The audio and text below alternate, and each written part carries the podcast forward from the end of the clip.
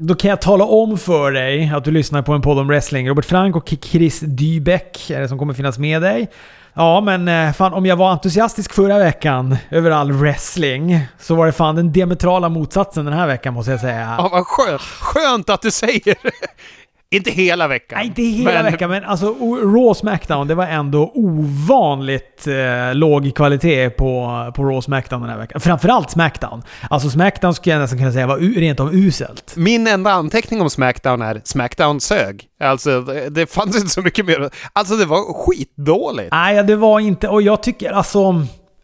Oh, jag vet inte. Det kan, och då var jag ändå så i Luleå på semester. Jag har i och för sig fortfarande semester, men hemma i Stockholm. Då kanske det är att jag har kommit tillbaka till någon sorts så här, att titta med mer kritiska ögon.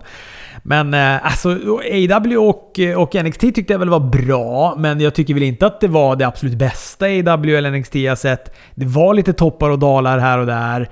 Uh, jag såg ju också New Japan Pro Wrestling och det brukar jag ju alltid liksom, åka på någon sorts flyga av stolen-effekt när jag tittar på. Ja. Och alltså, det var bra, det var det. Men det var inte, det var inte så bra som jag ville att det skulle vara. Nej, och jag, vet det, bara snabbskrollade igenom lite på New Japan, så jag har inte så mycket att säga förutom att jag varit lite lyrisk av att det var folk. Alltså det såg ju till och med ut som att det var mycket folk, fast det var 30% fyllda läktare liksom. Det är fan sjukt att en tredjedel av kapaciteten i den här Osaka Joe Hall, eller vad den heter, det, alltså det var surrealistiskt mycket publik. Det känns som att jag aldrig har sett så mycket publik. Nej, det var helt sjukt. Men hur kan de få det att se som... Jag tänkte så här, det är omöjligt att det här är en tredjedel av publiken. Men sen när man började, vid ett tillfälle så så panorerade de med kameran över publiken och sådär. Då såg jag ju som att de hade ändå, det var väl typ en och så var det tre lediga stolar, så satt det en till. Så att när de var den här lite... Eh, vidvinkeln på allting så, så, så hade de ändå placerat folk högst uppe på läktarna där uppe och det. Det är väl det som gör att det också känns som att det är väldigt mycket folk. För att de skulle, den där tredjedelen av kapaciteten skulle de ju nästan kunna knöla ner ringside. Ja, absolut. Men det var ju säkert bra, både, både för att det kändes ju så mycket folk, men säkert även mer coronasäkrat i och med att de spred ut dem. Så det var ju bra på alla vis. Just publikdelen då. Väldigt artig publik. Jag lät ju att de hade talat om för alla så här att ni, när ni är nu på wrestlingen, munskydd på allihopa. Inget skrika och hurra och sånt där. Vi vill, inte, vi vill undvika att det flyger saliv om ni blir entusiastiska.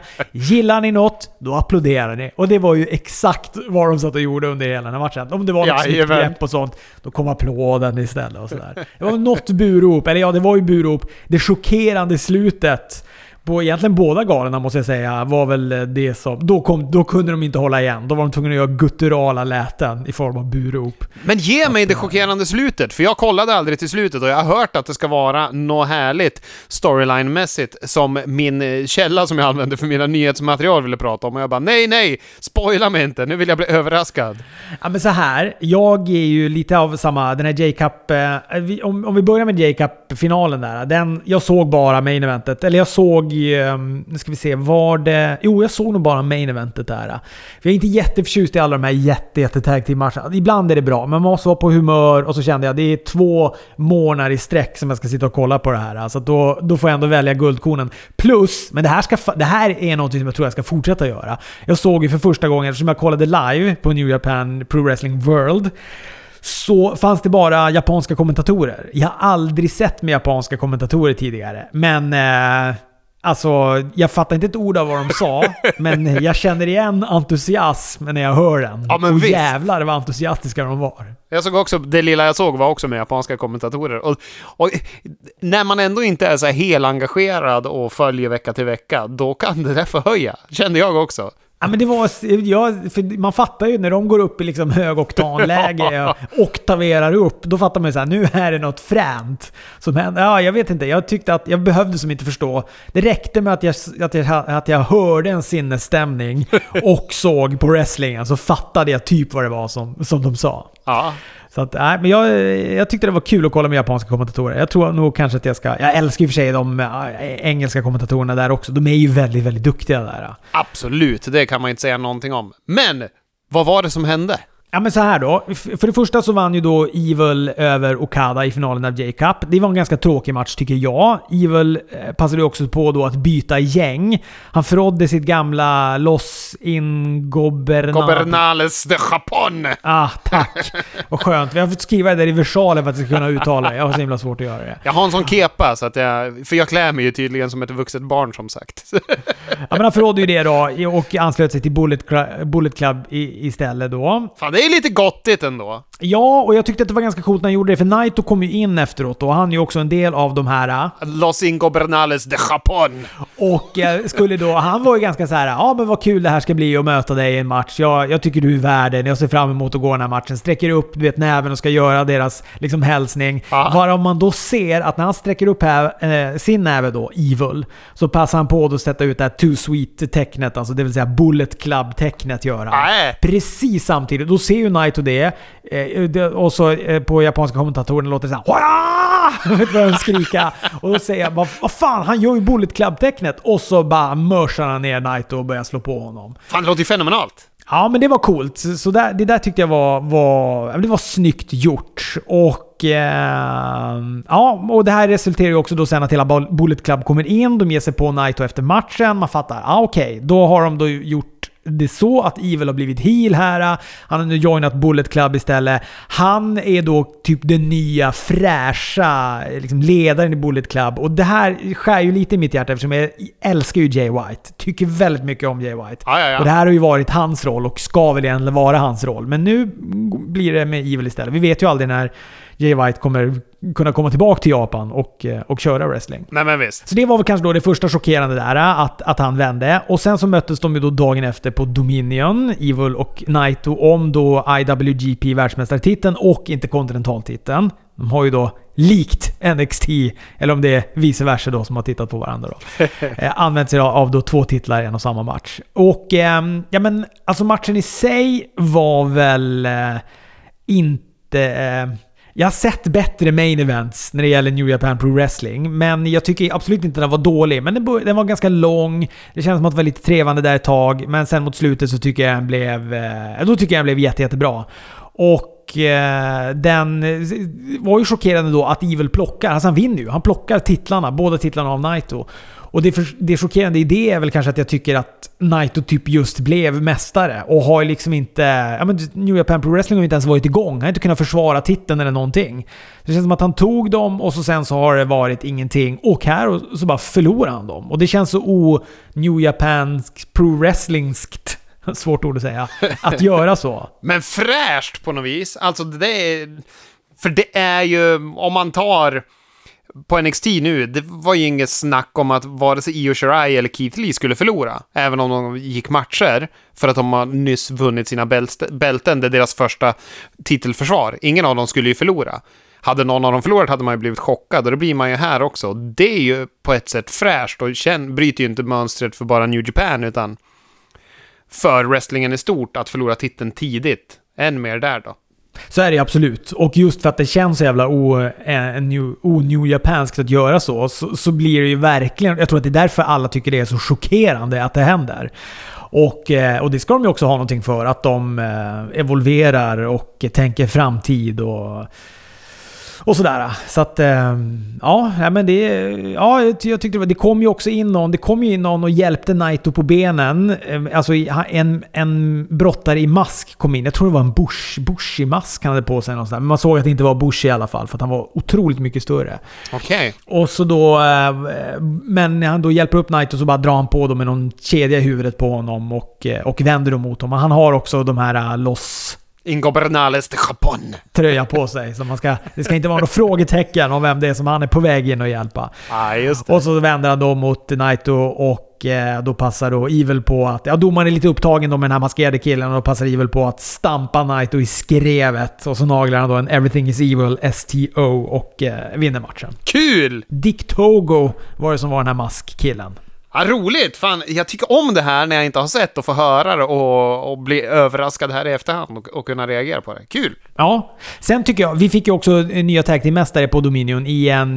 Det tycker jag var fan en kanonmatch. Det var en lång match, även den här, men jag gillade den. Tanahashi och Kota Ibushi då försvarade sina IWGP eh, Tag Team-titlar mot Zack Sabre Jr, en av mina absoluta favoriter. Aha. Och eh, Taichi. Och jag, ja som sagt, jag älskar Zack Sabre Jr.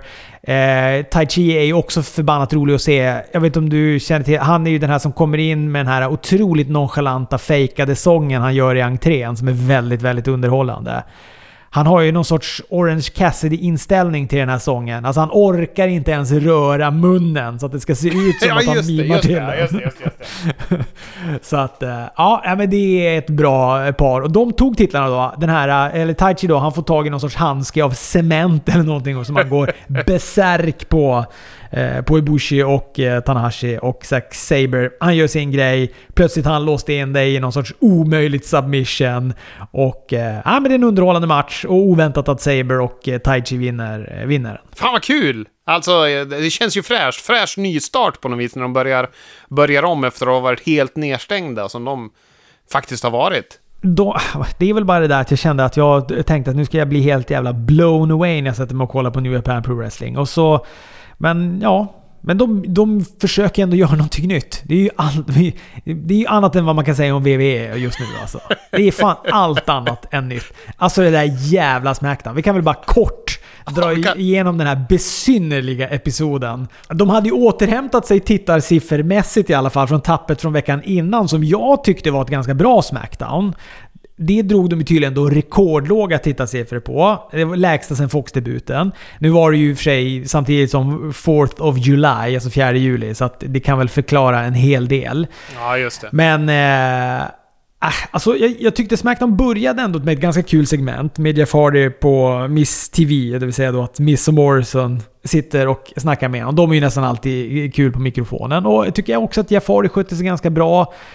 Nu börjar de ändå göra något som är i takt med känslorna när det kommer till Jeff Hardys missbruk, eller före detta eh, missbruk då.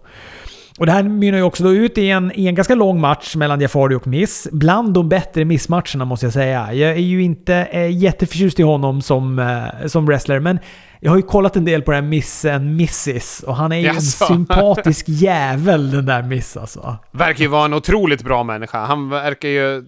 För bra! Ja, men han verkar ju bra på alla vis. Och man, han är ju så duktig på att vara heel, tycker jag. Så att man blir lite överraskad när man hör att han är den som är kvar till sist. Stannar med fansen, pratar med alla.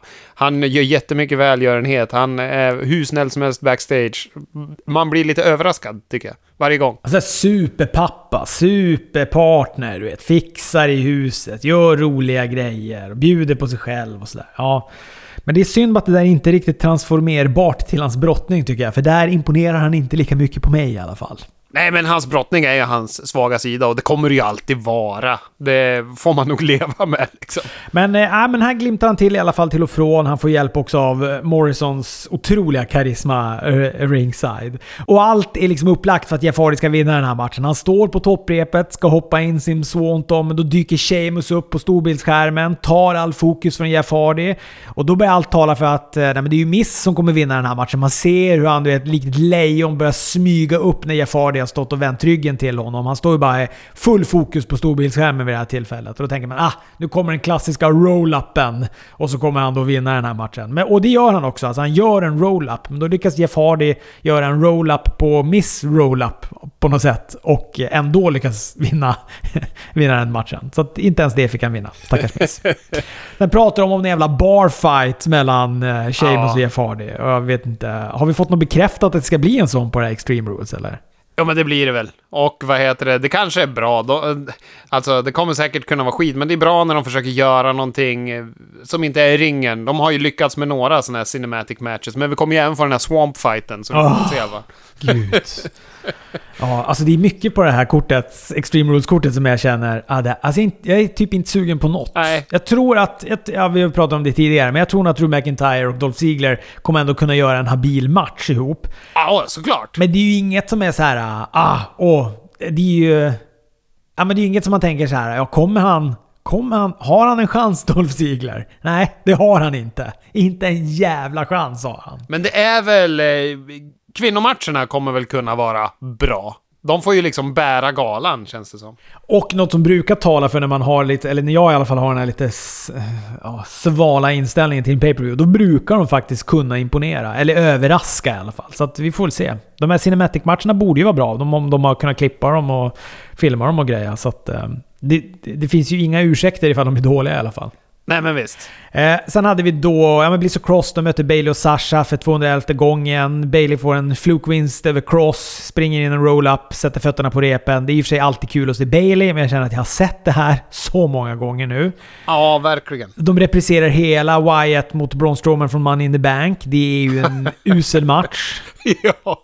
Sen är det ett karaoke, ett karaoke-segment. Taget från Stefan och, och Christer. Ja, vad, alltså, vad, vad var det för någonting? Ja, det var ju jag, jag mådde sämre än på Idol-uttagningar när jag såg det här. Fanny Tamina gick upp och fick fan en spruta amfetamin i skinkan och började headbanga till the game. Det var helt... Ja, det var bisarrt. när jag satt och kollade på det här tänkte jag, har de fullständigt tappat det nu? Det här är verkligen...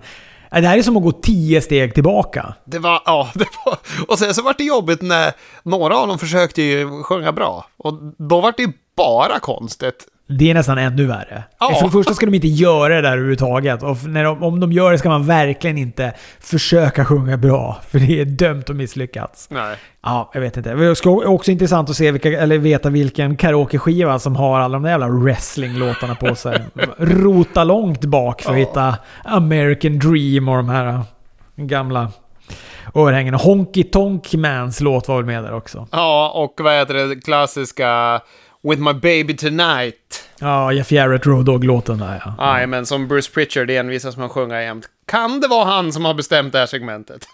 Rundade också av dem med en tag match mellan New Day och Cesaro Nakamura om titlarna. Det var en match som slutade i inget. Då domaren tyckte att de var alldeles för stökiga och slog av matchen. Och det här är ju på Go Home-showen, när man ska... Nu är väl det inte det här Go Home-showen, utan det är den som kommer nu på fredag. Men det är ju ändå, hur kan man göra sånt här när man ska bygga peppen inför pay-per-view? Det här bara dödar den ju. Både den här fejden och mellan eh, Bailey och ah, hela den här kvinnodelen. Det är ju som de alltid gör om vi jämför det här med vad New Japan gjorde, så är ju det här och bara nu gör vi samma som vi alltid har gjort inför pay-per-views. Alla möter alla som ska gå i de här matcherna i olika tagformationer och sen så gör vi inga finishes, så blir allt bra. Det är som att de bara har en, de har liksom bara en sån här uh, instruktionsbok som de följer till punkt och pricka. Svintråkigt. Vilket jävla slut på dåligt Smackdown.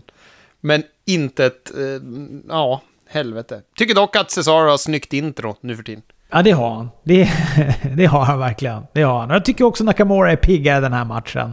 Det är skönt att se att han har piggnat till lite grann. Det är otroligt skönt.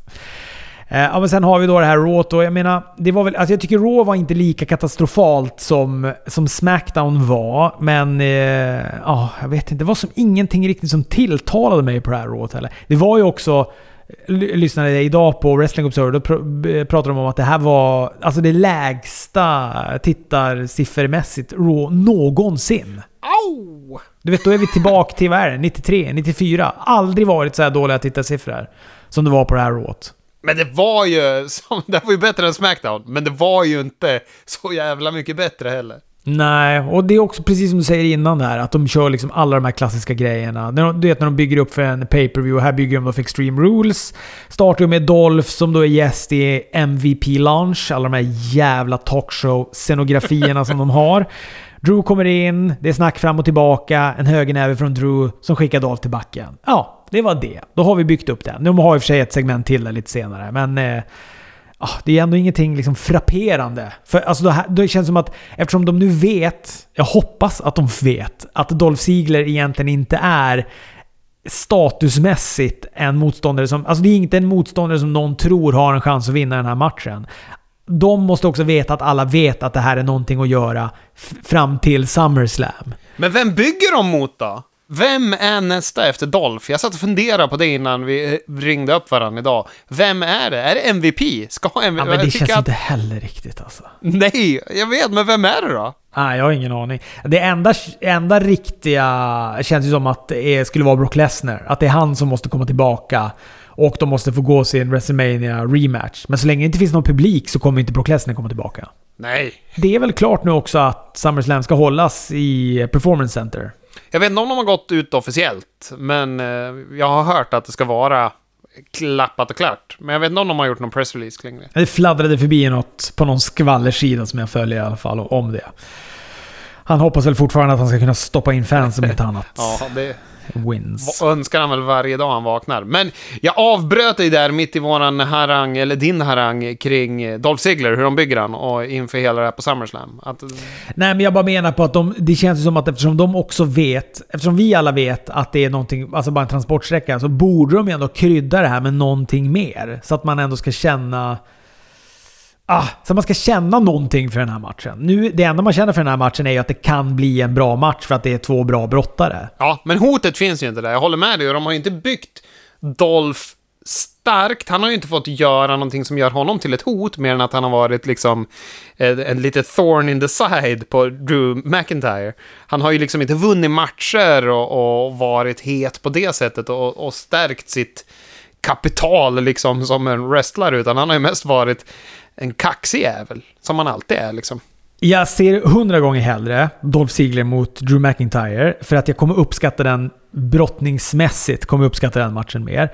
Men om man ska tänka rent som ett hot och vad jag skulle kunna sitta och ha ändå bita lite på naglarna för hur det skulle kunna gå. Det är ju ifall de hade gjort en rematch med Bobby Lashley. För att han vet man ändå att de, liksom, de pushar på. Han, han, är, han är ju inte ny. Det är han inte. Men han känns ändå som... Eh, han är nyare än Dolph Ziggler. Så kan vi ju säga om inte annat. Han är fan nyare än Dolph Ziggler i alla fall. Ja, och han har, han har ju kvar den här hotstatusen. Det har han. Ja, ja, han är en stor brottare och de pushar han som tåget. Så, här. så det känns som att skulle de släppa upp honom igen mot Drew McIntyre på den här Extreme Rules, då skulle det ändå kunna vara så här, ja, vet du fan alltså. Det kan ändå hända att de, eh, att de tar titeln från Drew McIntyre nu och sätter den på Lashley. Sen kanske Drew McIntyre kommer vinna tillbaka den när det kommer fans tillbaka. Eller något sånt där. För det, alltså hotmässigt hade det känts som, som någonting mer att ta på än vad Dolph Ziggler gör. Ja, men verkligen. Vi har Andrade och Garza mot Viking Raiders i en eh, Tag Team Elimination match. Det är också en väldigt klassiskt upplagd Tag Team Elimination match. Det vill säga Andrade får ut Eric och det blir en handicap match. Andrade och Garza vs Ivar då med andra ord. Ivar lyckas ta övertaget. Han hjular, han skallar och han har sig som en viking gör, antar jag. Han får sen ut Andrade med en rundspark. Garza vänder dock en seated senton till en eh, powerbomb och eh, lyckas räkna ut Ivar. Och det tyckte jag om. Att de ändå, att de ändå pushar någon annan än Big Show, Dolph Ziggler och eh, MVP. Men det här har de klippt bort från YouTube, så är det. Men konstigt, för det känns som att eh, det här har varit en av de mest eh, profiliska fejderna. Ju, just eh, sprickan här mellan Andrade och Garza har de ju pushat väldigt hårt, men det valde de visst bort. Spännande att höra ifall de hade kvar Ruby Riot och Bianca Belair mot Iconics. Jag kan du ju glömma. Iconics är bannlyst från YouTube då.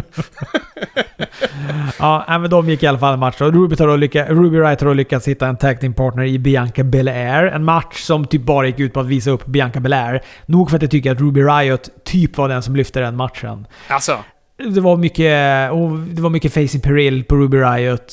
Hot taggar till Bianca Belair som eh, lyckas eh, vinna matchen. Hon vinner på en KOD. såg hon bra ut då? Jag tycker att hon såg... Man fick se lite för lite av henne. Men för mig är, har det blivit något... Det är någonting... De har liksom vridit ut den trasan för mig på henne och Shayna Baszler när jag vet att de har förpassat dem båda till eh, main event. Det är ju där de hänger. Nu fick de ju hänga på Raw, både Bianca Blair och Shayna Baszler, för hon dyker ju också upp sen då när Tosawa och ninjorna skulle möta Truth om 24-7-titeln. Då dök hon upp och spöade upp ninjor. Och du säger att det här hade de lägsta tittarsiffrorna sen någonsin. Men det är ninjor i ringen, va? Jenna Baser tog också mikrofonen och eh, sa... Ah, jag är faktiskt ganska osäker på vad hon sa, men jag tror att kontexten var... Jag har suttit och väntat tålmodigt, men nu orkar jag inte vänta längre. Det vill säga, jag har fått harva runt på main event, men nu har jag tagit steget tillbaka till Raw. Får vi se vad som händer med det, ifall de får vara kvar där eller inte. Vi får sen en lång promo på låg energi av Seth Rollins som Kevin Owens avbryter. Fy fan vad den var trökig, den där jävla Åh, alltså. promo. Jag vet inte det här upplägget heller med han och Rey Mysterio. Det jag tyckte för det var kul när Kevin Owens dyker upp då med en sån här lapp. Alltså du vet en sån här pirat, det var, det var kul. piratlapp som man säger att han har fått av Jean-Pierre. Och det är ju ett roligt namedrop att han har fått den av, av du vet, PCO. PCO ja, och för detta gamla Quebecers eh, tag team eh, av mästaren ihop med The Mountie bland annat. Hatad av Shawn Michaels. Är han det? Ja. Är PCO hatad av Shawn Michaels? Oh ja, de hade, han vägrade att jobba mot Diesel i Quebec. Eftersom är man stor i Quebec så är man ju störst i världen tycker man. Och eh, då vart de eh, superförbannade. Shane Douglas har ju någon berättelse om hur de ringer upp Vince och tvingar honom att eh, eh, jobba ut PCO så att han eh, ska bli miserable och fattig och sluta själv. Jaha. Ja, ja, det ser man. PCO dock verkar jättetrevlig och jättesnäll, eh, säger många. Och lite, lite dum i huvudet va? Ja, det, det, han är ju helt spritt språngande galen, tror jag. Ja, men det är underhållande att se honom. Jag tycker det är kul och Det är ganska underhållande att se honom i Ring of Warner. Men han är ju mer en liksom, åt, åkattraktion. Alltså, han är ju mer en berg och dalbana än vad han är en, en spännande wrestlingmatch. Ja, men han är ju lite som wrestlingens Ozzy Osbourne. Han kom igen han och verkar inte riktigt veta vad vart han är, vad han sysslar med eller hur man pratar. Jättebra liknelse. PCO är verkligen wrestlingens Ozzy Osbourne. Det finns väldigt många likheter mellan de två. Speciellt när han blev elad i stolen och kom och gick in från sidan medan kameran rullade och grejer. Nej, härligt. Murphy kommer i alla fall in och det gör också Alistair Black. Och det blir Murphy och Black i en match med Rollins och Owens ringside. Samma matcher om och om igen även här. Seth avbryter Alistair Blacks pinfall och domaren avslutar den matchen i en diskvalifikation. Ja, det är ändå Raw vi tittar på. Ray och Dominic kommer in, de omringar Seth, vi går till reklam och när vi är tillbaka då är det match mellan Kevin Owens och Seth Rollins. En lång match, inte särskilt svängig. Slutar med att KO sätter en stanner efter att alla utanför har hoppat upp på ringkanten och stressat Seth Rollins. Djävulskt vad de bokade honom som ett face här, fast osympatiskt. Det var en så här konstig match och konstig bokning överlag liksom. Den här, hela den här angeln är lite schizo. Ja, men det här att, att ett gäng face omringar en heel. Börja mobba honom och så ska facet slita ut hans öga. Det är den stipulation de ska ha. Det är, fan, här är det någon som har hittat goda grejer backstage tydligen. Randy Ortons eh, promo som kommer sen, eh, det är väl typ, vad är den, två timmar in i Raw. Det är väl det första riktigt bra som sker på den här uh, Rawt. Min enda anteckning från Raw är RKO, bra skit. Det är också med den han vinner mot R-Truth. Spännande att de går en match mot varandra. Och att det är liksom den matchen de skyltar med innan det här Rawet ens börjar. Ja! Big Show rusar också in, det är i och för sig roligt. Orton, han föreslår en osanktionerad match på måndag nästa vecka. De vill inte använda den på en pay-per-view där, utan de tar den på måndag nästa vecka istället då. Okej, skriker Big Show och försöker då få tag på Orton med ett riktigt ograciös, eller en, en riktigt ograciös inrullning i ringen. Ja, helvete. Lashley vann över Ricochet, main eventet. Det var i och för sig bra tycker jag. Warriors, Kabuki Warriors mot eh, Sasha och Bailey om eh, tag, tag team-titlarna. Det var en riktigt elak slingshot på Ka eh, Ka Kairi Sane i plexiglaset. Sane får också vara den som tappar ut i ett Banks statement som avslutar matchen. Ja, men här var det ju skönt. De slutar ju även med en ren vinst i ringen. Bra. Jag har inte sett det själv, men på Raw Talks tydligen efteråt den här äh, talkshowen som de kör efter då. Som man är skitsugen på att se efter man har sett tre timmar svinkast Raw. Då vill man gärna se en halvtimme Raw Talks också. Men på det så ska då utspela sig en eh, någonting. Jag tror att det var... Ah, skitsamma vem det var som intervjuade dem. Men i alla fall, Kabuki Warriors är på plats där då. Och pratar och då säger de någonting om... Eh, de frågar tror jag Kairi Sane om nu Sasha behåller titeln. Nej, förlåt. Om eh, Aska behåller titeln på Extreme Rules. Om Kairi Sane då skulle vilja gå en match om titeln mot Aska.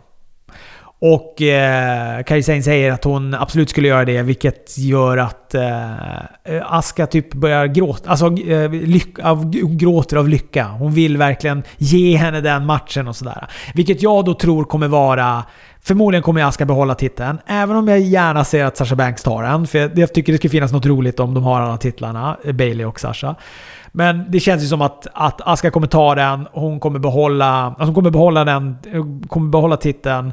Hon kommer då möta Kairi Sane i en match där hon får gå om titeln som Kairi Sane kommer förlora och det kommer då förmodligen vara Kairi Sanes sista match kan jag tänka mig då i, i, i WWE. Ja, just det. Eftersom hon är på väg därifrån. Det låter ju rimligt. Ja, men sen har vi ju AW Fight for the Fallen. Som heter Fighterfest dag två när den går live on air, det första som sägs. säger de fel eller kommer JR on top of his game! Nej, han säger det, JR. och de adresserar inte förrän efter första matchen när han lämnar över till Excalibur som ska få förklara vad, vad det är de håller på med. Jag tycker det gör ändå han mänsklig. Och det är, då förstår man också så direkt, just det, det är live. Vad skönt ändå att vi får kolla på lite live wrestling igen. Ja. Det öppnar ju med en match mellan Cody och Sunny Kiss. Det här måste ju få vara, eller det här måste ju vara Sunny Kiss kanske största match i AW. Eller det är väl hans största match i AW. Jag tror inte jag har sett han i någon. Han har väl varit lite på Dark och gjort grejer. Jag har ju sett marginellt med minuter från Dark. Fan, vi måste pausa. Jag är så jävla sugen på Dark nu. För, för, när man scrollar sociala medier, jag vågar inte göra det, jag vill inte bli spoilad. Så jag scrollar ju först sent på kvällen på torsdagar. Eh, och då var det ju en massa härliga klipp med Pete Ravelon oh. och Brandon Cutler när de gör fenomenala jävla moves mot Jurassic Express. Och vad heter det? Sen så, av någon anledning så har jag något jävla behov av att se Luther och Serpentico ihop, för de verkar tycka om varandra så mycket. jag vet inte vad det är. Kanske kommer jag behöva börja titta på det här jävla AEW Dark också. Man skulle ju bara kunna skita en timme Raw och kolla på Dark istället. ja. Och jag känner ju det, jag bävar ju för det när de ska börja dra igång den här, för de kommer ju dra igång en till show AW. Ja, men den ska vi prata om lite senare tänkte jag. För har du lyssnat på när Bischoff pratar med Tony Khan? Ja, i det här som eh, Bruce, nej inte Bruce Pritchard, vad heter han? Conrad Thompson modererade. Exakt. Med en otroligt distad mikrofon. Japp. Men det var ju väldigt mycket intressanta saker de sa, bland annat om den där showen tycker jag. Men vi kan ju ta det efter vi har pratat om de här showerna kanske. Komma in i lite gottigheter. Det fanns också någonting jävligt rövslickigt av Tony Khan. Jag ville bara säga, det räcker nu! Du behöver inte slicka Bishops röv ännu mer. Han är ju den största fanboyen av dem alla. Han är alltid sådär när han får prata med någon eh, från den där eran. Han är kaxig på Twitter, men när de väl sitter där, då är det ja tack, tack för att du, tack för att du tar dig tid, ja tack för att du är här. Till slut ser man att Bishop bara såhär, ja ja, jag är här och jag är med och gör det här nu. Du, du kan liksom slappna av. Men det är väl som du säger, han är jävla superfanboy Tony Khan också så att... Men det tycker jag gör honom mänsklig. Jo, det gör det verkligen. Det, det gör honom älskvärd faktiskt. Det gör det. Ja, men vi, okej, vi kan göra så. Ska vi dra igenom Fight for the Fallen då först och så kan vi prata lite om den sen. Eh, eh, idel öra vad det är du har hört där. Jag har faktiskt inte sett hela. Jag såg mest... Jag har bara sett lite grann av den där. Eh, men Sonic Kiss möter ju då Cody om den här TNT-titeln. Jag tycker att det är... Eh, Sonic Kiss har jag sett bättre. Alltså, jag tycker han var de, slarvig. Han, det var lite slarvig och kanske framförallt så började den slarvigt. Jag vet inte om den kanske tog sig bättre sen. Jag har också sett Sonic Kiss i Lucha Underground och jag tycker att han har varit väldigt tight. Nu är det klippt och sådär, så att, och, det, och det här live, så att det kan ju finnas förklaring i det om inte annat. Men eh, jag tycker att det är en ganska spännande transformering med Cody. Han börjar ju bli så heal på ett härligt sätt. Och han försökte ju på... Här, eh, vad heter det? Sonny Kiss fuckade upp när Tully, vad heter det, suplexen, när du eh, bouncear han från översta repet. Eh, klassisk eh, Tully Blanchard mm, suplex. Den fuckar ju Sonic Kiss upp så att vad heter det, Cody blir, ser bara less ut och häver omkull han. Trycker verkligen bara ner han i backen efter den. Fy fan vad ledsen han vart då, för det var väl säkert en stor spot. ja, men man kan väl också fatta att Sonny Kiss är säkert nervös. Det är ändå stort att han får gå den här matchen och sådär. Så att eh, han känner väl att det här är lite hans chans också kanske. Så att, eh, jag tycker ju om Sunny Kiss. Jag tycker att han är, han är ju grymt bra. Jag gillar också hans karaktär svin mycket. Den känns fräsch och och härlig. Jag blir på så jävla glatt humör när jag ser den. Håller med. Jag tycker även att när han hade sin eh, lilla eh, bensinmax-fight tillsammans med Joey Janella tycker jag var ett jättebra segment. Även fast det är så här eh, överproducerad, konstig eh, jävla grej bara. Men jag gillade den. Gillade när de fick göra en skit tillsammans. De hade bra kemi. Ja, men Cody börjar också den här matchen oerhört nonchalant. Han gör lite armhävningar efter greppen och sådär. Han vet att det här är ingen match för mig. Sunny Kiss, det är någon snubbe på Dark. Det här, kommer, det här kommer inte vara några som helst problem. Men alltså så får han ändå en hel del problem med att vinna den här matchen och han blir mer och mer frustrerad. Han tjafsar med Aubrey. Det är mycket klippbilder till uh, Tully Blanchard där i publiken och jag tänker bara på den här Four Horsemen-grejen som du har berättat. Det är bara ah, mhm, mhm, mhm, hela tiden. Och eh, Sonny han eh, kickar ju ut pinfall efter pinfall. Han vänder en crossroads, men till slut så sätter Cody en otroligt elak crossroad och vinner den matchen. Och sen, vad heter det, när han står och... Han står ju säkert och säger jättesnälla saker till Sonny Kiss för att det var en stor match för honom. Men jag bara väntade ju på att han skulle hila till där, men han gör det inte. Och det är ju så härligt att titta på wrestling när man sitter och bara väntar på att det ska ske, men det gör inte det. Och man bara känner hur det kittlar i kroppen. Det är härligt. Ja, men i stora hela en bra match och spännande med, eh, med Cody. Och den här Four Horsemen-prylen. Eh, Lucha Bros möter FTR. Lucha kommer in, eller kör in, med FTR-bilen tillsammans med Butcher och Blade. De har fortfarande den här bilen. Jag håller med JR när han säger hur fan kan inte polisen ha lyckats lösa den här bilstölden än? Ja, sitter jag och nickar med. Men det här var en bra match.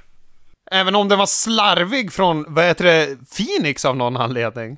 Ja men Lucha Bros, båda två, det var lite slarviga. Jag vet inte vad, första gången, jag vet inte om det är att deras stilar krockar eller att det är... Och de vart ju förbannad internt också.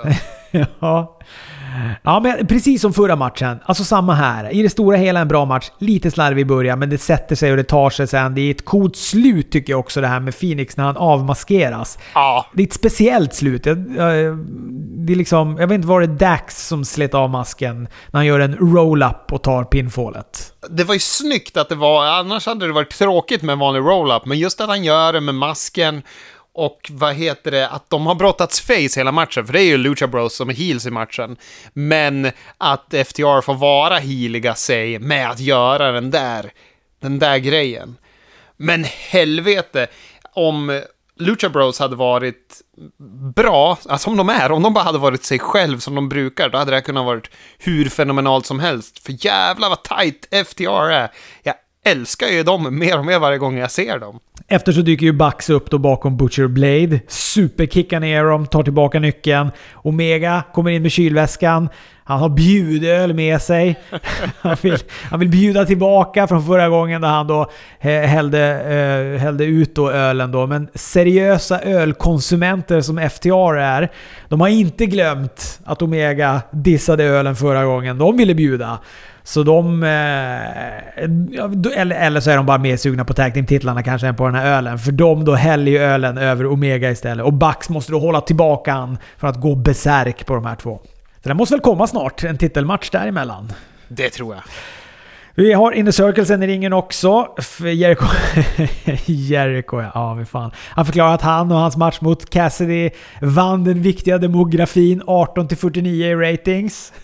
alltså, han, vad är det han säger? Han är king of the ratings. Han är the champion of the demo and the demo god. ja, vad, han är ju i sitt esse den här mannen tycker jag. Det är en tröja jag vill att du köper Chris. Demo God.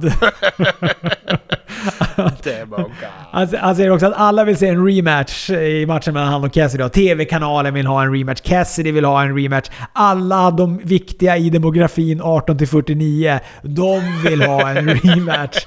Men det blir det inget av, säger Jericho. Och sen blir det ett segment då hämtat från 1998 va, eller något sånt där. När då Cassidy kommer in, ger tummen ner på sånt där Julius caesar maner Och det kommer då litervis med apelsinjuice från taket ner på Jericho och company. Ja. Och Jericho, han blir, han blir självklart vansinnig också för att hans blazer kostar ju skjortan. 7000 dollar vet du! enda jag har att klaga på här är att Ortiz säljer för mycket från början. Men gör de typ inte För jag, jag har också skrivit det att alltså det är, vi får liksom en sån wrestlebotch översälj av Ortiz på det här. Att, men alltså han simmar runt i den här juicen Ja. i ringen. Då sen är det som att typ både Jerick och Hager bara så tittar på honom och bara skärp dig. Och han bara liksom Ja. fortsätter halka runt där som att det är syra han ligger och badar i eller någonting. Sen hamnar ju då Jericho också i kommentatorsbordet då efter för att kommentera Jurassic Express mot Elite. Eh, jag vet inte om han sa där... Sa han inte där att det blir en match mot Cassidy? Jo, men det var inget som... det bara? Nu, blir det, nu blir det en rematch. Ja, men det var ingen som riktigt... Det var ingen som riktigt eh, brydde sig i det heller. Det, det var konstigt. Det. De, fan, JR var inte på toppform heller. Han hade delat omklädningsrum med Sonny Kiss och Lucha Bros. han. Ja, han var inte riktigt med i matchen. Nej, för det var ingen som riktigt... För jag tänkte, det lät som att han sa det, Ja. men det var ingen som kommenterade det. Vi fick ingen grafik om att det skulle komma någon sån match eller något sånt där. Så att, eh, ja, ja, jag vet inte. Vi får se om det var ett... eh, I stundens hetta bara Jericho kastade ut det, eller om det är en tänkt match, om inte annat. Men vi får ju då Jurassic Express mot Elite och den här matchen tycker jag var faktiskt väldigt, väldigt bra. Den var underhållande att se på. Det är ändå lite spännande att likt Cody så är det då gigantiska heal-vibbar på Omega. De har ju kommit och gått de här heal-vibbarna på honom. Och han är ju... det här att han är så stiff mot Marco Stunt också när de wrestlas. Det gör ju att han ser ännu mer heel ut eftersom Marco Stunt ser ut som en liten, liten pojke. Men den, vad heter det, när han gör sin finisher på honom i slutet också, den har aldrig varit så hård och så tight någonsin. Även om det är lätt att göra på en sån där liten man så kan man ju vara lite varsam mot sin tangopartner i ringen. Ja, ja visst. Nej, han, det där bryr När han slang- slungar på den där One Winged Angel, det, han tänker inte på någonting. Han, den här ska dra på riktigt jävla hårt på Marco Stunt. Den sätter han ju så då gränsle över honom efter matchen och börjar mata smällar på honom. Ja. Alltså man tänker som det du sa tidigare, att man var lite så här, ja, hur kommer det bli här nu när Cody står här och, och pratar med Sonny Kiss? Kommer han börja slå på honom? Eh, det, det kände jag ju där, men när jag, när jag såg att eh, Omega satte sig över Marcus Stunt, då hade jag ju inte en tanke på att han skulle börja mata smällar i ansiktet på honom. Jag tänker att han kommer krama honom nu eller något sånt där. eh, Lyfta upp honom och säga bra match och det.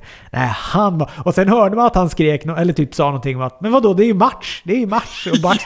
Men den är ju över! Vi har ju vunnit. Ja, ja, ja, det är ju match. Sådär. Det var, jag tycker det var en härlig... Eh, jag tycker han har haft en liten blek personlighet i AEW. Han har gjort jättebra matcher, men personligheten har inte riktigt kommit fram. Så bananas som han har varit genom åren. Men, men eh, här fick han ju snäppa lite, det tyckte jag var härligt. Och sen tycker jag tycker även att jävlar vad de är bra på att bygga Jungle Boy. Han fick ju så otroligt mycket utrymme och han var tight som fan. Han, han, är ju, han är ju framtiden för dem. Han och Darby Allen kommer de kunna tjäna fina pengar på. Och eh, Luchasaurus tycker jag också kändes bra här, men det är ju mycket tack vare Young Bucks också. För de är så fruktansvärt duktiga på att få folk att se bra ut. Ja, och så hade de ju då... Det var ju lite klipp. Vi fick ju också då under matchen fick vi då se Hangman Pate sitta i baren och dricka drinkar och kolla på matchen. I sällskap av FTR. Ja, de glider ju in där, kaxiga som få efteråt. Trots att det var slut på apelsinjuice, för den var ju fast i Jericos blazer. Ja men det är spännande där. Jag tror alltså det är väl det det kommer mynna ut i här då. De är liksom lite polare med Hangman Page för de tycker han är en skön cowboy. Ja. Och, och när då den här matchen, titelmatchen sen kommer komma, så kommer det säkert vara någonting som gör att... Eh, ja men du vet, de tappar titlarna till FTR och det blir den här totala sprickan mellan Hangman Page och eh, Omega och Omega blir... Han kommer ju då bli den healen som de typ egentligen försökte göra av Hangman Page. Som bara gjorde att han blev tok över och typ den största facen AW nästan har. De bara, du vet så här, för man var ju också så här, jag har ju sett en massa av, Hangman Page på Ring Warner och sådär. Och, och där har han ju funkat svinbra och varit verkligen den här face-killen. Och så kom han till AW och så bara... Var det som att han inte riktigt fick fäste? Jag tror att de kände lite det här uh, vinstgrejen. De har bestämt sig att den här killen ska vinna titeln inom en snar framtid. Vi har inte fått säga vad vi vill än. Det var lite den känslan jag hade när han inte gjorde splashen på Casino Battle Royale och när han skulle gå om eh, titeln mot Jericho och grejer. För det snackade så jävla mycket på Being the Elite och grejer om att vi har de här som är bra och det här är framtiden. Och alla pratade om att han är framtidslöftet. Och när de presenterade han på presskonferensen och så vidare. Och sen så föll han ju platt på grund av det, tror jag i alla fall. Jag tror det var liksom eh, roten till hans magplask. Mm, ja, men det har de nog verkligen rätt i. Det var lite den där korvstoppningen i halsen som, de, som fans... Som man inte gillar. Nu gillar jag ju Hangman Page väldigt mycket, så jag hade liksom köpt det och var såhär, ja ja visst, det kommer bli så. Men det blev ju ännu bättre när de då bestämmer sig för att göra honom till en jävla suputen cowboy som ska vara heel och bara... Då är det som att alla bara okej, okay, vi, vi lägger oss platt. Vi håller med. Det här är, det här är fan det största ni har alltså. Men det är det de gör bra i AEW tycker jag, att de kurskorrigerar när de märker att det blir fel. För där hade man ju kunnat vara envis och låta han vinna titeln och köra på. Eller så märker man att det här funkar inte. Varför ska vi då köra på det? Vi vänder om. Och det tycker jag de har varit duktiga med flera gånger när de har haft skitidéer. Jo men så är det ju. De har ju en förmåga som inte Vince McMahon har. Han kör ju på den där andra. Jag, alltså, att, att AW kan ändå så här äh, dutta med, tung, med pekfinger på tungan och känna så här vilket håll vindarna blåser. Och bara okej, okay, det är åt det hållet. Det är det här, så här vi ska göra för det är det som funkar. Medan Vince McMahon är bara så här äh, så här ska vi göra. Alltså bara, fast ingen tycker att vi ska göra så här äh, av konsumenten av den här produkten. Och Vince McMahon bara det skiter jag i. Jag ska tala om... I och för sig, jag uppskattar du vet det här gamla, vad är det, Henry Ford eller? Om vi, om vi skulle lyssna på vad folk ville ha skulle vi fortfarande köra runt med häst och vagn. Ja. Jag gillar ju för sig den... Eh, det är en sorts Apple-kultur också. Du vet att man säger nej, nej, nej. Vi talar om vad folk behöver och inte behöver. Här har folk hållit på med någon jävla diskett eller sätta in fysisk media. Vadå CD, skiva och DVD? Vi tar bort det. Så bara, fast alla använder det. Nej, nej, nej. De vill inte ha det. Och sen är det bara, nej, ingen vill ha det.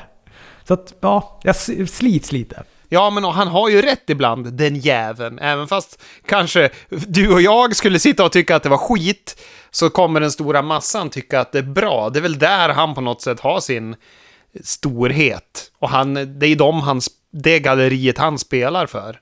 Även om han ha, kan faila där också. Tittarsiffror, veckans Raw, pointing question. ja. Sen får vi då eh, Nightmare Sisters mot två jobbers. De här Nightmare Sisters är då Brandy och Ally som är någon sorts tag team med grava samarbetssvårigheter och verkar inte alls gilla varandra. Det här är ju bara så jävla ointressant! Bättre match än vad jag trodde, men så jävla ointressant story tycker jag. Jag vill också veta varför Ally inte är med Butcher Blade längre. Kan inte någon bara tala om det för mig? Det är jättekonstigt. Där ska jag intervjua Nyla Rose i ringen. Sist så fick vi då ett announcement om en, ett announcement, som du sa. Och den här gången får vi då veta att det är Vicky Guerrero som är hennes nya manager. Har du några tankar kring det, Chris? Ja, men jag gillar ju henne på något sätt, för man hatar ju henne. Även fast hon verkar supersnäll också. Så här, privat, alla säger att hon är kung. Men fan... Eh, jag, jag, kan tycka att det var tråkigt på vissa sätt, men samtidigt så satt jag och tänkte när jag såg det här att Visst, det är många gamla avdankade wrestlingprofiler och brottare som går runt och är managers i AEW, men de har managers och det kan vara bra. Nyla Rose är kanske inte bäst på micken, även fast jag tycker hon har haft helt okej okay promos. Men det är ju ett sätt att faktiskt hjälpa gröna brottare, sådana som behöver komma framåt lite och fan, det kan vara bra. Och så gillar jag, jag tycker, tycker det är bra att de är snäll mot Vicky Guerrero som fick skit av Vince McMahon, fick någon så här, du får inte prata med våra brottare mer på din podcast. Moxley och Cage om AWs världsmästartitel avslutar. Moxley har en Danny Havoc-tröja på sig. Han dog i slutet av maj, va? Tror jag var. Bara 34 år gammal. Och jag trodde att han eh, kom in med Jimmy Havoc-tröja och bara Nu har det brunnit för karln. Kommer och bara Love you brother in i kameran. Just det, att han vill, han vill supporta honom i den här otroligt jobbiga speak out ja. moment som sköljde över Jimmy Havoc. Ja. Fan, jag höll på att trilla ur stolen. ja. Ja, nej det var ju inte det då. Det var ju den här Danny Havoc. Det, då, han dog två månader efter att hans fru hade dött eh, i en hjärtattack. 34 år gammal. Det är ju tragiskt då. De går ju way back då från den här CZV-tiden, han och eh, Moxley. Danny Havoc ska tydligen då ha designat Moxleys första AW-tröjdesign. Jag läste något eh, emotionellt inlägg som eh, Moxley hade skrivit då om, om Danny där. När, när man fått reda på att han hade gått bort. Jaha. Dålig koll på CZV har jag ju. Det är ju inte ett förbund som är speciellt förtjust i. Nej, nej, helvete. jag, jag har fått några så här Pro Wrestling Crate DVDer som jag har plasten kvar på undanstoppad i replokalen någon jävla stans. Ja, Jag har min, min kompis Johannes som jag bodde med stora delar av min uh, ungdom. Han, han var, kollade väldigt mycket på CZV. Men då gillade han också splatterfilm och såna här grejer. Så. Ja, nu ska vi inte klaga på splatterfilmer här. Ja, men matchen här då. Det är ju en... Ja, men jag tycker att det här var en ändå helt okej match. Jag är lite osäker på slutet dock. Alltså Mox håller ju då Cage i någon sorts armbar och torterar på honom. Cage försöker då länge trockla sig ur den. Det går inte. Mox fortsätter att tortera och då slänger då Taz in en handduk. Vilket signalerar till domaren att, eh, att, att Cage ger upp den här matchen.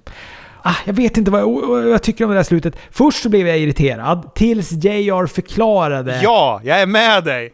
Ja, alltså när han förklarar varför Taz varför det är ett bra, ett, en bra grej av Taz att rädda sin fighter, då köpte jag den då. Ja, han skyddar sin investering. Det är det, att det är en investering. Det gör att han blir mer corporate.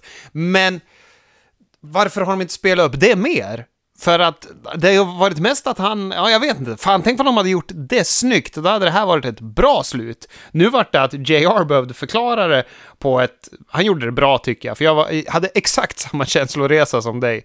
Men tänk om det här var snyggt gjort, då hade det här varit ett, ett bra slut faktiskt. Men det enda jag känner med det där, för det känns som att det inte ens var planerat att JR skulle eh, liksom förklara det här för mig då som en idiot när jag sitter och tittar på det. För det känns som att han säger ju bara någonting sån här det där var det bästa Taz kunde göra. Och då säger ju Jericho så här, nu får du förklara dig. Eller något sånt där. Vad fan menar du? Typ exakt som jag också känner. Vad fan menar du? Ja. Och då säger ju det där att ja, men det, han är en investering och om, om eh, Cage är en maskin och Taz är hjärnan och Cage kommer inte tappa ut. Så att det här kommer sluta med att Moxley bara sliter bicepsen av eh, Cage. Och då kommer han inte Taz ha någon brottare överhuvudtaget. Så att han måste liksom avbryta den här matchen.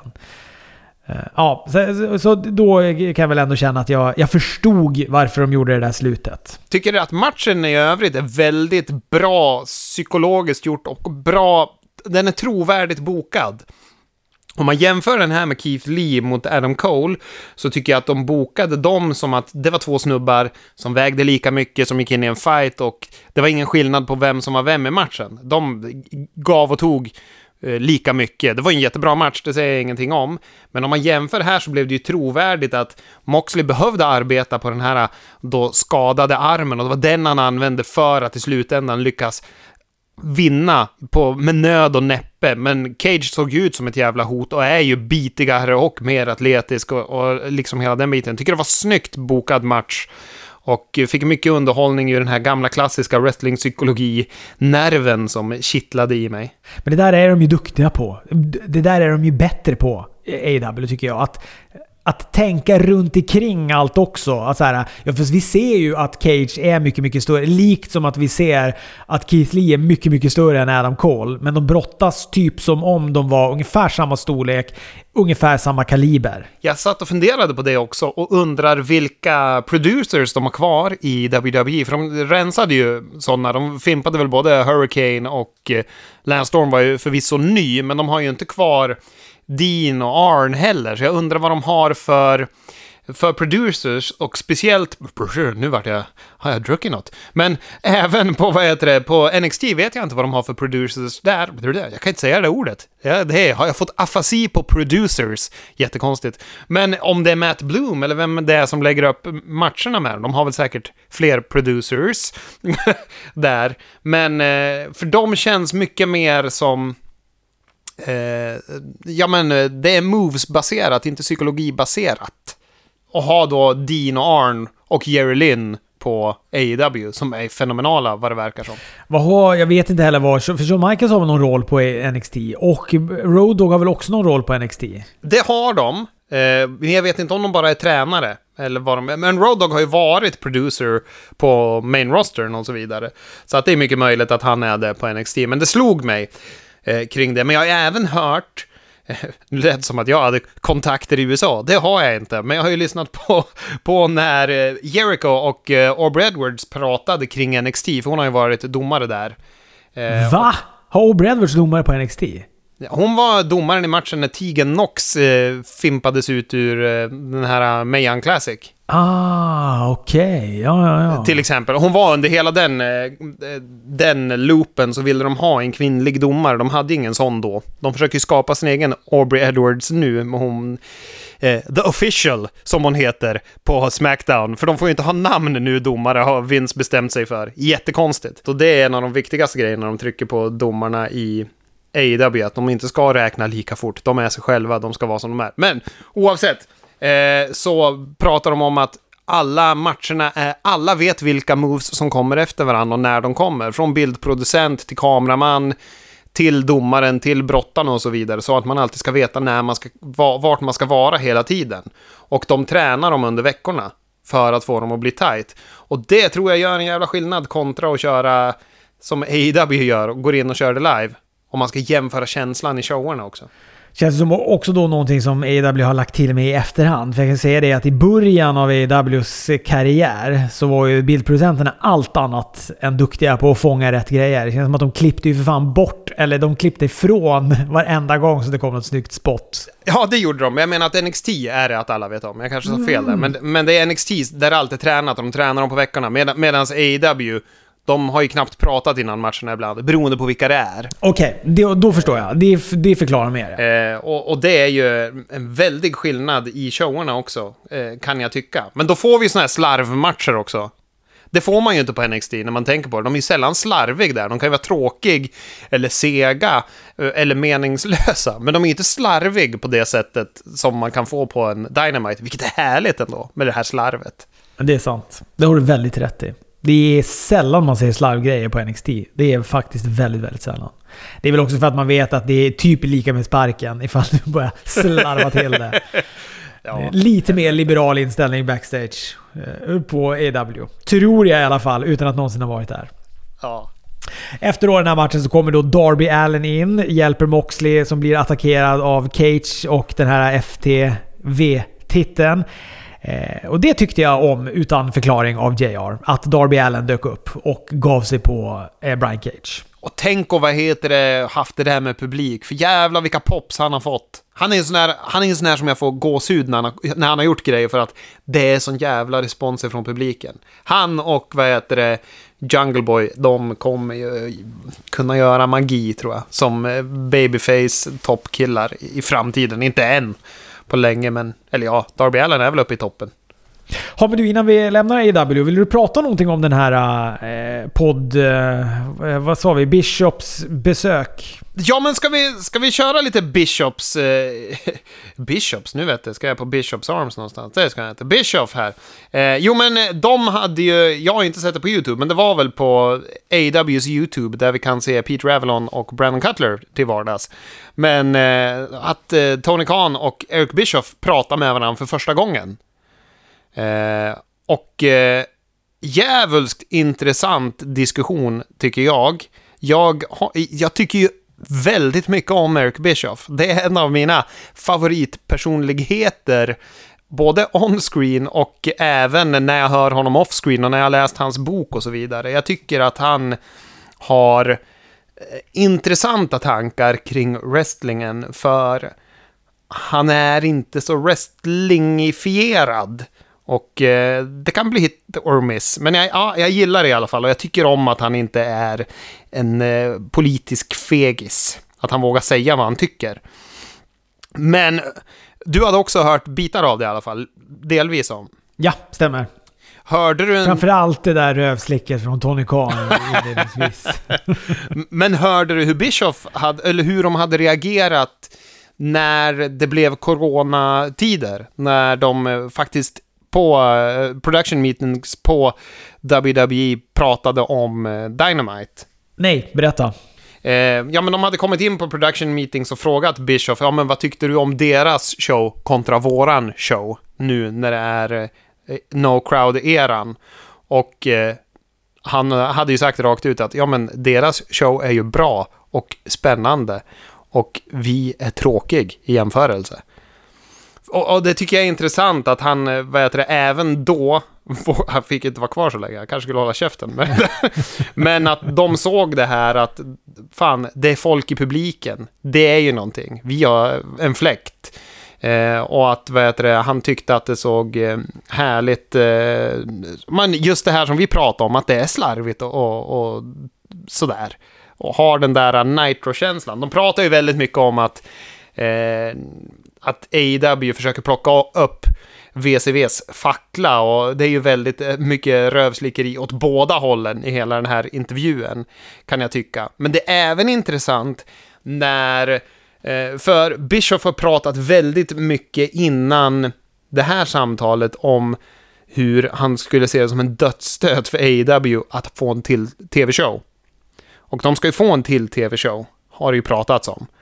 Eh, och eh, Conrad Thompson som håller i och är moderator här säger väldigt lite i hela intervjun, men han peggar upp och frågar Bischoff, ja men eh, vad skulle du säga om de här fick en till tv-show då? och han bara, ja jag vill ju inte ge råd, men eftersom du frågar så eh, säger han det väl lite mer politiskt, att ja men när vi fick Thunder, det var ju bedrövligt, det blev inte dubbla arbetet, det blev trippla arbetet och man ska försöka hålla det här igång. Och jag sa det när jag jobbade på WWE, jag säger det nu, WWE har två shower, den ena är blå och den andra är röd, men annars är det ingen skillnad. Det är samma sak. Det är ingen... Och sen så är de förvirrade över varför folk tycker att showerna är lika. De kan inte se det själva. Vi har en röd, vi har en blå, men det är samma sorts brottning, det är samma storylines, det finns ingenting som differentierar dem. Hade jag gjort det nu, då hade jag gjort någonting så att showerna differentierade sig från varandra. För annars, varför ska man titta på den andra showen? Och då svarar ju Tony Khan med att, ja men om vi jämför det här då, om vi säger, tror du att eh, Heat var en bättre idé än Thunder? Ja, men det tror jag. Jag tror att Heat var bra, för då behöver man inte spela in på en till show, man behöver inte köra en, en eh, till arena-show och så vidare. Nej, precis, säger Tony, som att det är det vi kommer göra.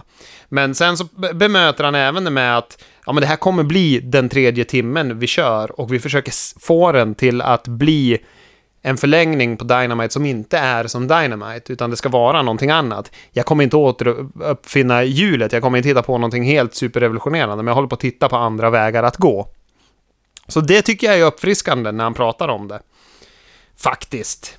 Ja, det är ju otroligt spännande, men det går lite stick i stäv med... För ah, jag, eh, I början var det som att man tänkte så här: okej okay, det är Dark som kommer vara den här andra. De kommer bara lyfta upp det då till en TV-slott istället på TNT. Men sen så tror jag till och med att, eh, om det var Tony Khan som sa det, nej det är inte Dark som kommer vara den här extra timmen. Precis. Och eh, då tänkte jag, okej, okay, så då kommer det vara något live och någonting helt eget.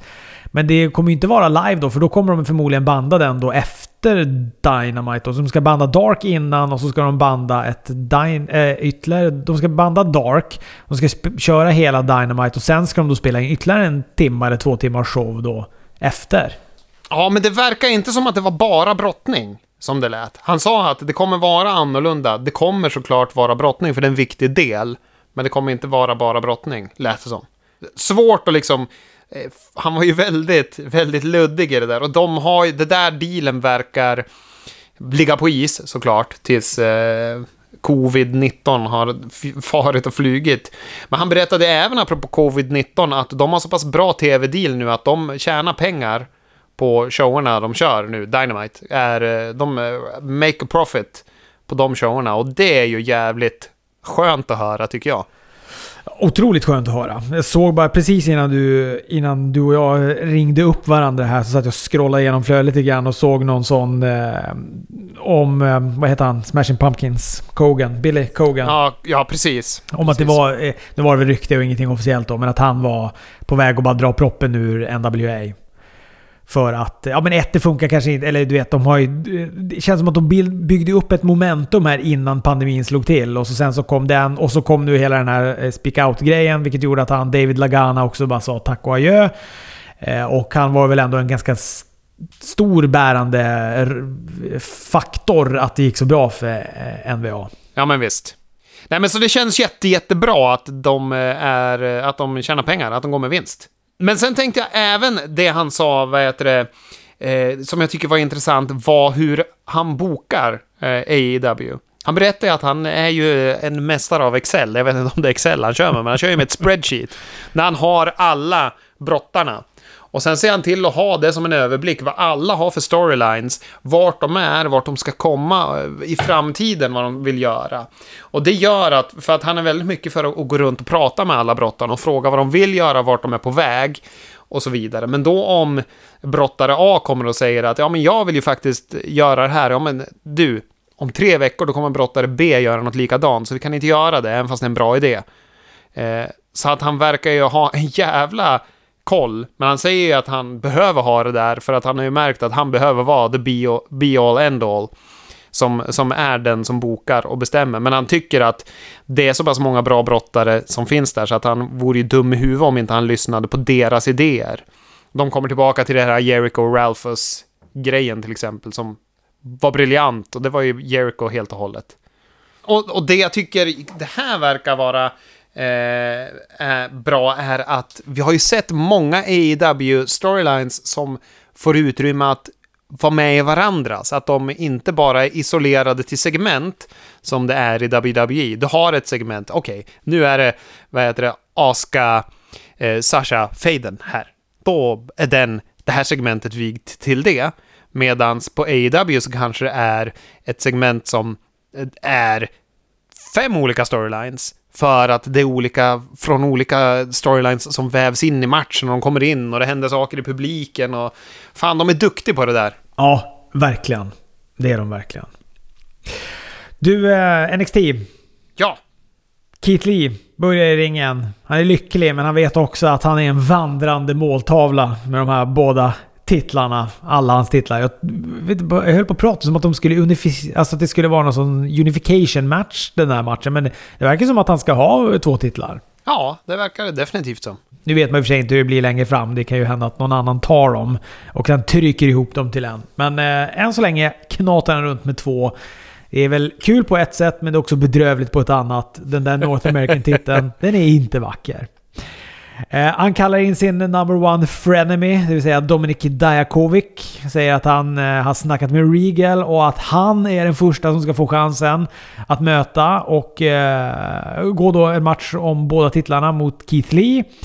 En match som ska ske samma kväll. Det har vi ju sett några gånger, matchen mellan de här. Men jag känner ju i kroppen att det alltid brukar bli ganska bra. Det tenderar ju till att bli bra när de går matcher mot varandra. Det brukar vara underhållande i alla fall. Absolut. Damien Priest möter Cameron Grimes. Den här gillade jag.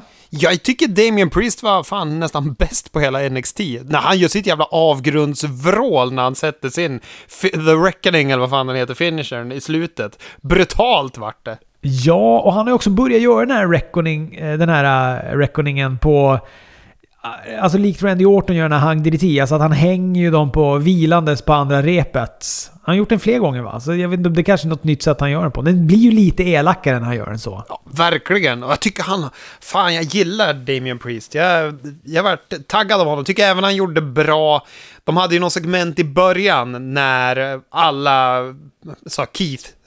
Man hörde Keith 400 gånger efter varandra. När alla singelbrottarna i manliga divisionen sa att de skulle ta den där titeln. Och då tycker jag att han var den som hade mest karisma också i dem. När han bara gick och pratade in i sin telefon. Men jävligt bra. Ja, men jag, tycker, jag, jag gillar också Damien Priest jättemycket. Grimes tycker jag också om. Jag tycker han är kul att kolla på. Eh, de gör, fan, de gör någon snygg grej där de båda liksom roterar runt ett varv i någon sorts running crossbody. Jag har ingen aning om vad det var för någonting, men den var snygg i alla fall. De har ganska bra kemi ändå, tycker jag. De har ju möttes ju tidigare när Grimes fick vinna också. 50-50 booking. Ja, men han vinner som sagt då på den där reckoningen. Eh, en bra match. Thatcher kör sin tortyrskola.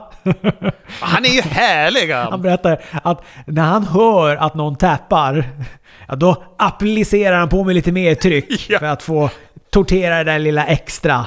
En riktig sadist den här Timothy Thatcher alltså. Otroligt härligt minspel när han tar i det där lilla extra också.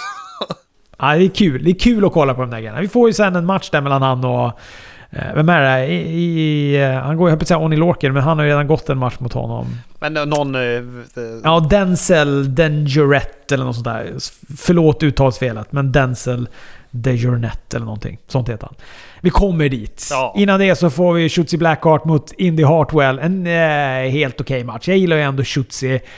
Jag behöver vara tydlig med att jag hatar hennes leksaksbilsentré. men jag gillar allt det andra. Gillar jag ändå med henne. Och Robert Stone, för helvete. Ja, fy fan. För plötsligt så haltar ju han in i den här matchen. Han blev ju då överkörd av den här leksaksbilen förra veckan.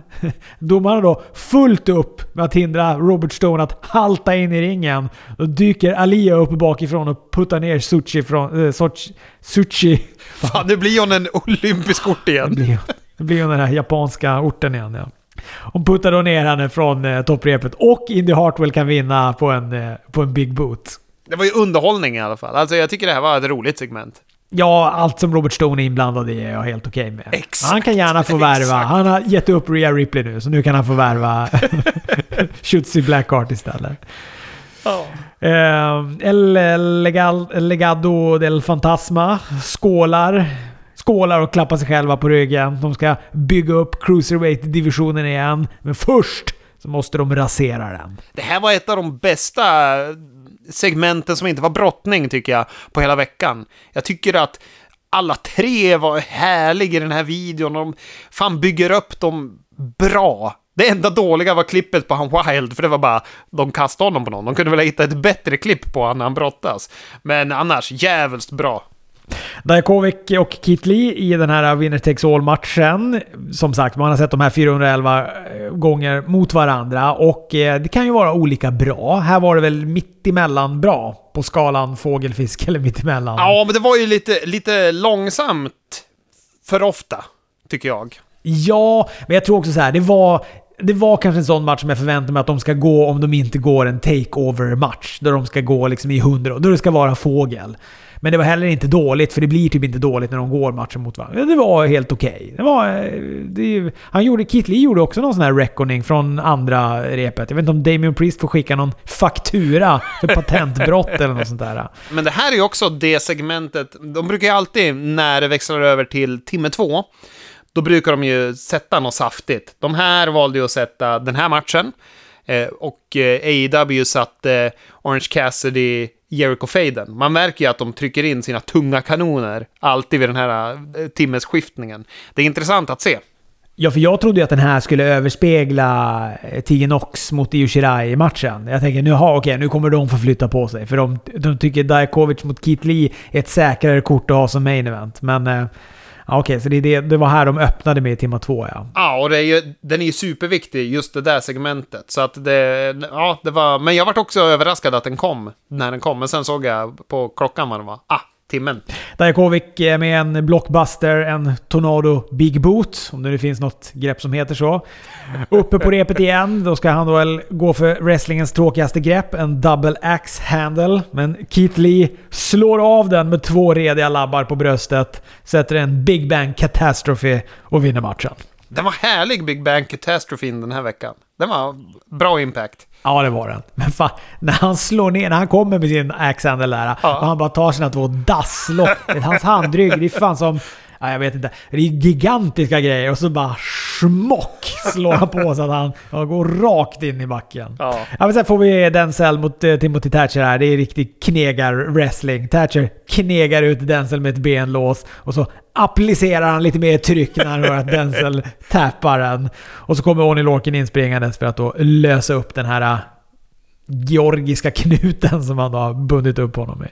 Men det är ju, det här, det- den här uh, storylinen gillar jag. Den har sin plats på, på cardet liksom. Det är kanske inte allas kopp av te, men det är, jag gillar den. Den eh, glimmar till på något vis. Jag håller med. Det är, jag gillar också det här. Jag tycker det är spännande att se. Och det är kul att det är lite knegar-wrestling också. Ja, och Oni Lorkin var fan eldig i räddningen. Sen får, sen får vi Robert Stone igen då. Han försöker då be om Ja. ursäkt till Killian Dane för förra veckan då han då råkade hälla ut en venti espresso över Killian. Alia kommer då springandes med en teckning som Dexter Loomis har gjort på hela händelseloppet från Great American Bash. Och, och jag vet inte om Killian Dane tycker att, att Loomis ritar fult då, för han blir ju vansinnig när han ser den här teckningen.